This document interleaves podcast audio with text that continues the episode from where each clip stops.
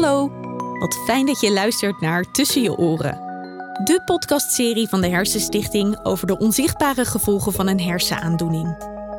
De processen die zich in je hersenen en dus letterlijk tussen je oren afspelen, zijn voor anderen vaak niet zichtbaar en daarom soms moeilijk te begrijpen.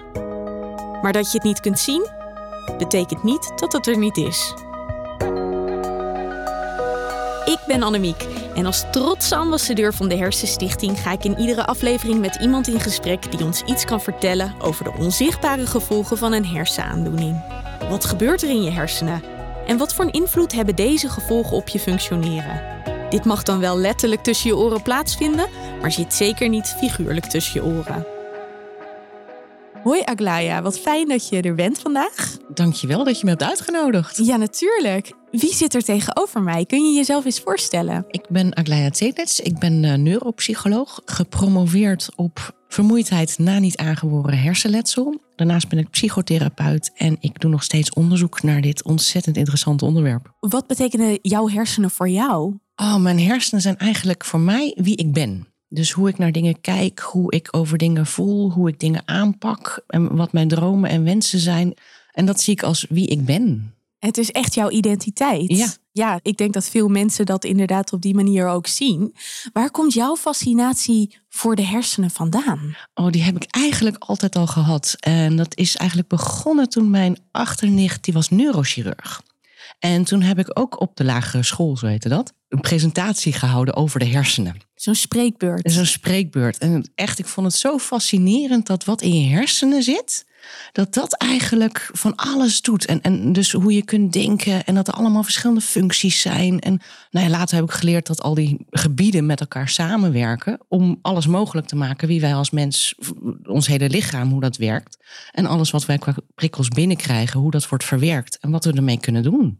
Fascinerend, hè? Ja. En het is ook zo fascinerend dat datgene wat jij onderzoekt, eigenlijk letterlijk in je, in je hoofd plaatsvindt. Het is een Ja. soort van paradox. Ja, nee, maar dat is ook echt een van de punten hè, met, met hersenletsel. Dat om het überhaupt te kunnen verwerken en om mee om te gaan, heb je die hersenen nodig die dus een beschadiging hebben opgelopen. Dat maakt het extra moeilijk. Jij doet onderzoek naar vermoeidheid bij niet aangeboren hersenletsel. Wat is niet aangeboren hersenletsel? Niet aangeboren hersenletsel, daar verstaan we eigenlijk alles onder wat ergens tijdens je leven is gebeurd en wat dus ergens een beschadiging aan je hersenen heeft veroorzaakt. Heel veel bekende zijn een beroerte of een CVA, maar ook traumatisch hersenletsel, dus bij een auto-ongeluk of een val als je dan op je hoofd bent gevallen. Kan ook zijn door zuurstofgebrek, vergiftiging en dat rekenen we dan officieel er eh, niet onder met bepaalde ziektes. Dat noemen we dan de neurodegeneratieve ziektes zoals Alzheimer en Parkinson-dementie en dat soort dingen. Het zijn dus eigenlijk, nou ja, het is heel simpel. Het ontstaat in je leven door, het kan een biologische verklaring hebben, maar het kan ook eh, een externe verklaring hebben. Klopt dat als ik het zo zeg? Het klopt helemaal. Bij die biologische factoren zijn het inderdaad de aderen in je hersenen die kunnen vastzitten of die kunnen openspringen.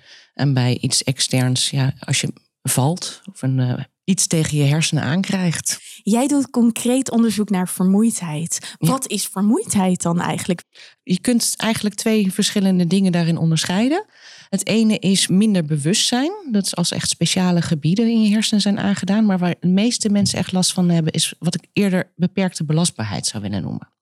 En normaal kunnen je hersenen heel veel dingen aan en weet je wanneer je wat vermoeid raakt. En dan neem je op tijd pauze of je kunt makkelijk weer dat herstellen. Maar nu, omdat de hersenen, er is iets beschadigd, ze werken minder efficiënt. En dus de batterij, die gaat veel eerder leeg en die heeft veel langer nodig om te herstellen. Dus die batterij is minder efficiënt, minder belastbaar geworden. Is dat dan ook hetzelfde als overprikkeling of is dat net wat anders? Nou ja, voor, om prikkels te verwerken, er komen heel veel prikkels binnen. En het kost altijd wat energie om die prikkels tegen te houden.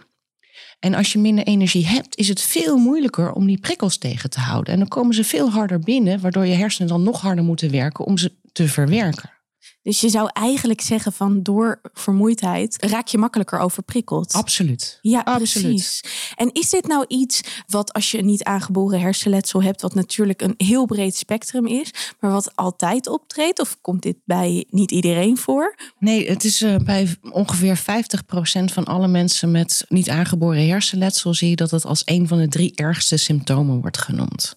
Nou ja, de cijfers lopen uit elkaar. Komt door alle verschillende meetinstrumenten die zijn gebruikt in al die verschillende onderzoeken. Maar je ziet wel dat echt het gros van de mensen wel in meer of mindere mate last heeft van die vermoeidheid. En dus zo'n 50% behoorlijk last heeft. Dat is wel veel, ja. Dat is ja. echt veel. En zou je dat kunnen voorkomen? Is er iets wat je kunt doen om te zorgen van stel dat er nou iets met mij gebeurt, dan zou ik daar minder last van hebben?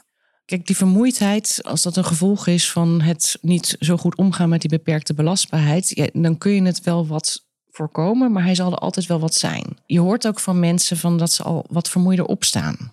En ook als de normale dingen in het leven gewoon al meer energie kosten, ook alleen om de prikkels te verwerken, ja, dan word je ook eerder moe.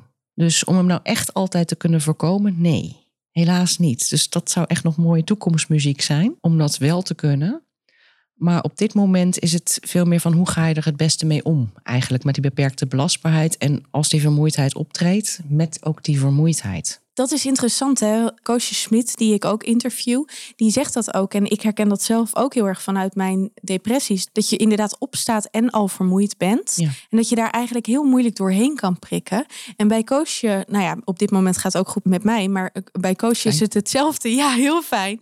Met Koosje is het hetzelfde. Koosje is nu depressievrij, maar ze is nog steeds moe. Ja. Hoe kan dat dan? Nou ja, bij depressie, dat zie je ook in de hersenen, dat dat echt wel wat doet. En dus om te herstellen, dat zal een hele tijd duren. En het is de vraag in hoeverre die beperkte belastbaarheid dan ook op een gegeven moment minder wordt. Kan je het in de hersenen zien als je een hersenscan doet? Oh, dat zouden we heel graag willen. Bij sommige mensen kun je het wel wat zien. En je kunt het wel. Er zijn onderzoeken gedaan dat ze mensen met traumatisch hersenletsel en mensen zonder traumatisch hersenletsel in de scanner hebben gelegd terwijl ze taken deden. En je ziet dat bij mensen met traumatisch hersenletsel er veel meer verschillende gebieden actief zijn dan bij die mensen zonder traumatisch hersenletsel. Wat laat zien van hey, de hersenen moeten harder werken om hetzelfde voor elkaar te krijgen. En ook zie je dat die bloeddruk veel sneller omhoog schiet en ook langer omhoog blijft. Dus je ziet ook, nou ja, het hele lichaam moet eigenlijk meer doen. Maar we kunnen niet specifiek zien van hé, hey, daar zit vermoeidheid. Lastig hè? Dat is Ah. bij een hersenschudding ook hetzelfde, Ja. heb ik geleerd. Ik hoorde ook dat er verschillende soorten van vermoeidheid zijn, mentale en fysieke. Kun je me daar iets meer over vertellen?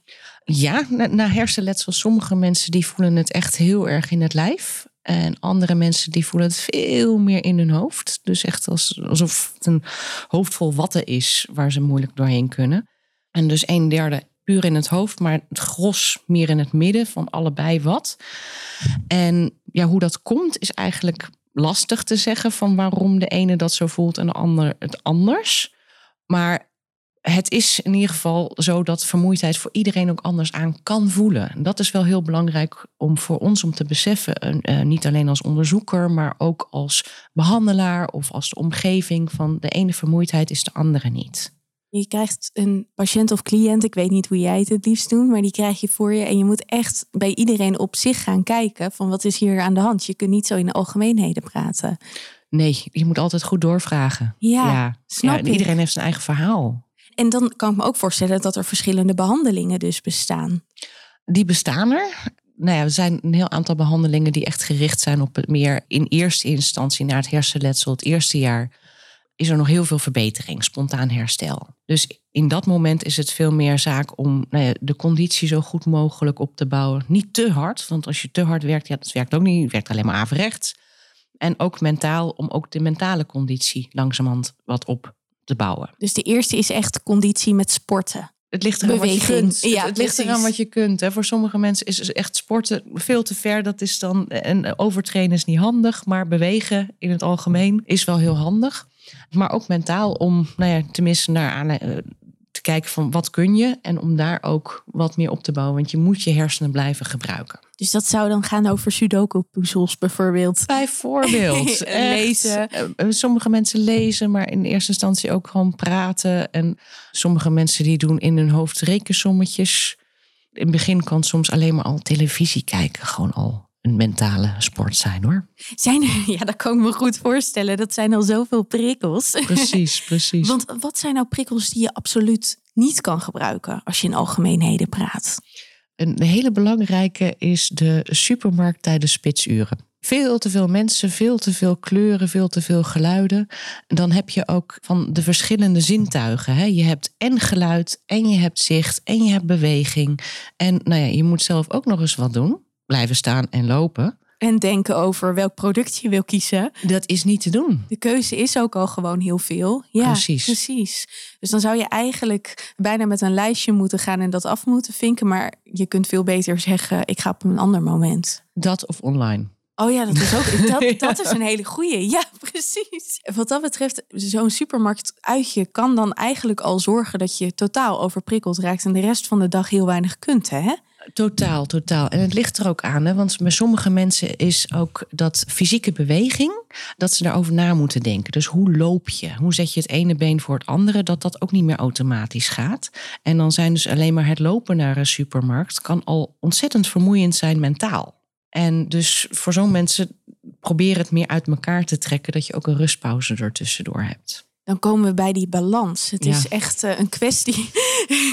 Balans is echt zo toverwoord. ja, het is voor heel veel mensen voelt dat altijd een beetje uitbollig of een beetje suf, maar dat is echt zo, hè? Rusten is net zo belangrijk als activiteit. Zonder rust geen activiteit. Heel simpel. Ik zou wat dat betreft ook willen zeggen, dat is voor iedereen van belang. Ontze- ja, Iedereen met hersenen, en dat is dus iedereen. voor, voor iedereen. Alleen ja, die, de, de grenzen zijn wat korter geworden. Want die zijn er veel eerder. En je voelt ze ook niet altijd zo goed.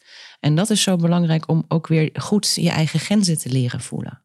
Kan jij je voorstellen wat het betekent als je elke dag zo moe bent? Ja, ja, tenminste niet chronisch. Maar ik heb ook wel eens Pfeiffer gehad.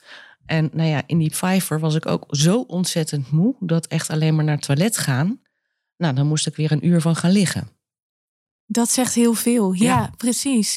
Je dagelijks leven wordt daar zo ontzettend door bepaald. Ja. Wat zijn dingen die jij vaak tegenkomt? We hebben het net bijvoorbeeld over de supermarkt gehad. Zijn er nog meer van die elementen in het leven die voor veel mensen met chronische vermoeidheid bijna niet te doen zijn? In een restaurant er middenin gaan zitten. Mensen moeten vaak meer aan de rand gaan zitten, rustig. Bij theaters willen mensen vaak ook meer aan de rand zitten, zodat ze in ieder geval aan één kant minder geluid hebben. En soms ook nog even met een koptelefoon op zitten, zodat het geluid minder hard binnenkomt. Want er zijn gewoon al veel prikkels.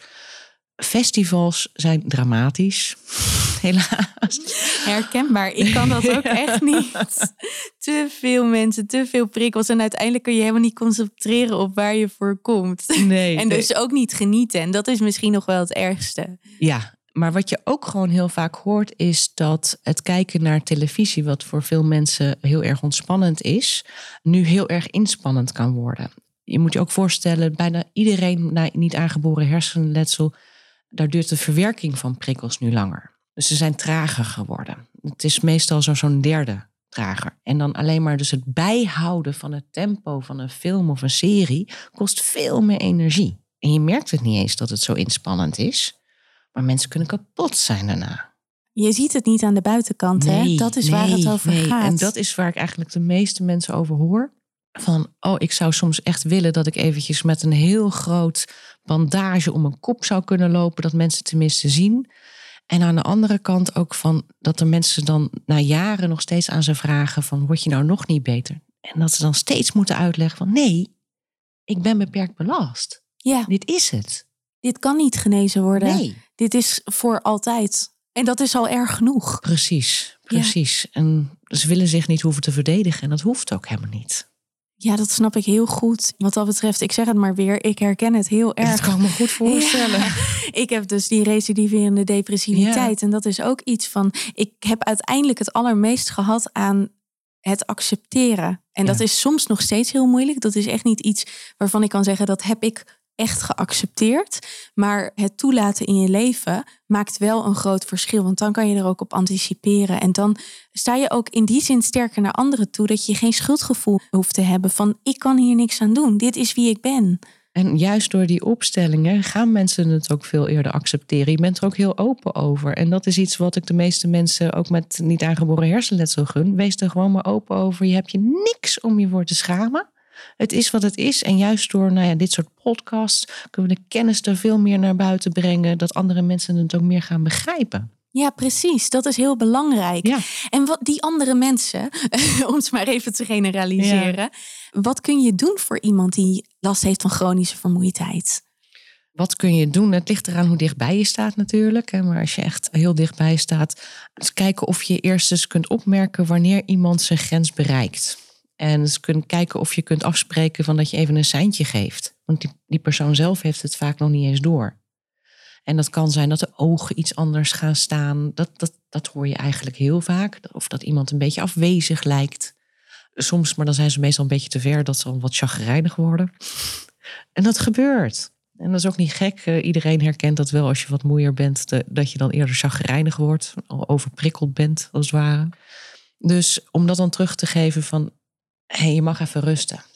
Nu je dit zegt, dan denk ik weer meteen aan. Ik weet nog dat als ik met mijn moeder bijvoorbeeld ging winkelen in de binnenstad op een zaterdag of zo, dan kwam er altijd een moment waarop ik dicht sloeg en vluchtgedrag meteen ging vertonen. Dus dan ging ik bijvoorbeeld naar de fiets of zo. En mijn moeder snapte daar niks van. En dat is een stukje wat ik dan nu bijvoorbeeld geleerd heb, even communiceren. Maar als we het er nu bijvoorbeeld over dat soort momenten hebben, dan zegt ze: Ja, ik snap het ook. Het was gewoon veel te veel voor je. Maar ja, toen wisten we dat nog niet zo goed. En ik kon het niet goed communiceren. Dus dat is natuurlijk wel iets heel belangrijks. En het grappige nu is dat mijn moeder inderdaad het soms eerder ziet dan ik. En dat zij dan dus ook kan zeggen van... Goh, laten we eventjes rustig aan doen. Of zullen we even een kopje thee gaan drinken of Precies. zo. En daar helpt ze mij ontzettend bij. Hetzelfde geldt voor mijn vriend. In een eerder gesprek zei jij tegen mij van het is soms zo grillig en onvoorspelbaar. Is dat denk je voor degene die het moet meemaken het ergste? Dat is in het begin, hè, als je vooral nog niet weet van hoe die belastbaarheid bij jou werkt. Ja, dus bij de meeste mensen die ik daar spreek, is dat inderdaad een van de ergste dingen. Dat ze zeggen van nou, het, lijkt me wel te overkomen of te, over te nemen.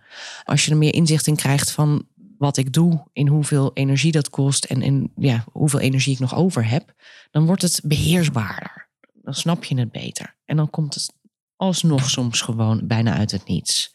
kun je achteraf vaak wel redeneren waarom het zo kwam, maar dat is op dat moment eventjes nog niet zo. Maar die grilligheid, eh, als je het nog geen grip op hebt, ja, dat is voor veel mensen wel heel lastig en ook voor de omgeving. Precies, want dan kun je het ook nog niet zo communiceren. Als je iets naar een feestje of zoiets wil, dat je ook al weet van hé, hey, dit gaat niet alleen vanavond ben ik daar dan extra moe van, maar mijn hersenen hebben gewoon veel langer de tijd nodig om te herstellen. Dus dit ga ik ook nog de dag daarna en wellicht nog de dag daarna ook merken. Dus dat je al van tevoren eigenlijk gaat inplannen dat je dan veel minder gaat doen. Dat je dan veel meer rust neemt. Oh, dit is zo herkenbaar voor mij. Ik zeg het maar weer. Als er een feestje is, dan denkt iedereen leuk een feestje. En dan denk ik, oh ja, leuk. Maar ik moet dan van tevoren echt nadenken, wat heb ik de dagen daarna? Want dat maakt hoe laat ik het kan maken. Ja. En soms voel je je dan zo sjaak afhaak, letterlijk. Maar ja, weet je, als het zo'n impact op je leven heeft, dan moet je daar wel echt op anticiperen. En ik denk dat het is niet sjaak afhaak, je komt. Ja, als je gaat, ook al ga je maar een half uur, je hebt je wel eventjes laten zien. Je bent er wel even geweest. Zeker. En soms vind ik dat dus al best wel moeilijk. Want al die prikkels op een feestje kan voor mij een verjaardag of zo, kan voor mij zo uitputtend daardoor zijn. En ik ben ook wel iemand die graag helemaal aan wil gaan. En je kunt dan ook soms denken van, goh, dan ga je iets minder aan. Maar dan ga ik dus bijna liever niet. Want dat vind ik een, een hele moeilijke balans om te vinden.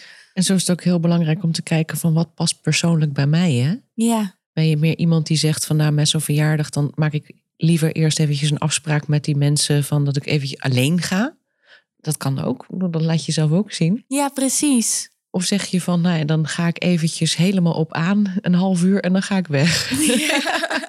Ja, precies. Zo probeer ik daar wel altijd een manier voor te vinden. En soms betekent het dat ik niet ga en dat ik op een later moment of op een eerder moment kom. Precies. En, en soms betekent dat dat ik er gewoon kort ben. En als ik toevallig de rust en de ruimte heb, dan neem ik het er af en toe ook even van.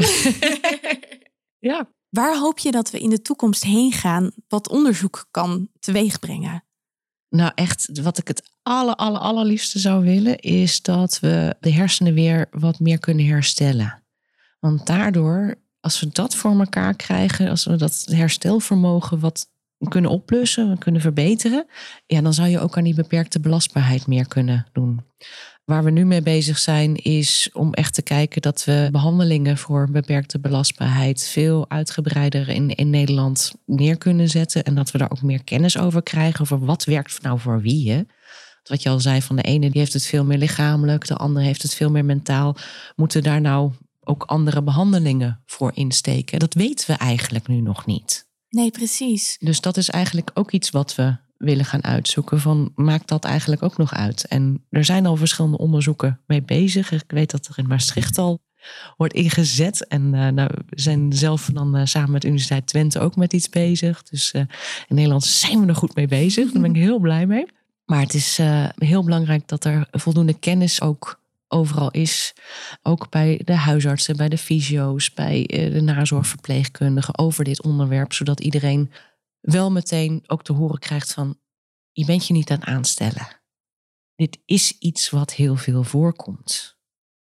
En nou, je kunt ermee leren omgaan. Dus voorlichting is ontzettend belangrijk. Het is cruciaal. Hoor je vaak mensen die bijvoorbeeld bij een huisarts komen en weer teruggestuurd worden? De vermoeidheid wordt vaak wel verkeerd gediagnosticeerd. Dat vooral met lichtere hersenletsels, dat mensen al vaak het stempel krijgen van nou je bent depressief. Of je hebt een burn-out of zoiets. Of dat mensen te horen krijgen eerst van een neuroloog gefeliciteerd. Eh, Je kunt nog lopen, praten en, en al die fysieke functies die gaan hartstikke goed. Maar dat mensen na een jaar wel meemaken dat ze gewoon wat trager zijn geworden. Dat ze minder goed dingen kunnen overzien. En dat hun belastbaarheid gewoon beperkt is. Wat zou jij tegen iedereen willen zeggen die zegt: Ach, vermoeidheid, het zit toch gewoon tussen je oren? Nou ja, zoals ik al zei, van, eh, mijn hersenen betekenen voor mij van wie ik ben en wat ik kan doen. Dus letterlijk gezien zit het tussen je oren, maar het is wie je bent. Maar om nou te zeggen dat mensen zich aanstellen, absoluut niet. Het is net zoals pijn. Je voelt het. En dat kan een ander niet voor je voelen. Nee, net zoals pijn. Is vermoeidheid ook. Dus het is er gewoon. Dankjewel, Aklaya. Bedankt voor het luisteren naar deze aflevering van Tussen je oren. De Hersenstichting investeert in hersenonderzoek, geeft voorlichting en zet zich in voor betere patiëntenzorg, revalidatie en participatie. Jij kunt ons hierbij helpen door te doneren, maar ook door deze podcast te delen. Vond je de aflevering interessant of herkenbaar? Laat het ons weten via social media met de hashtag Hersenstichting. Geen aflevering missen? Abonneer je dan in je favoriete podcast-app. Wil je meer weten over de onzichtbare gevolgen van een hersenaandoening? Ga dan naar hersenstichting.nl/gevolgen.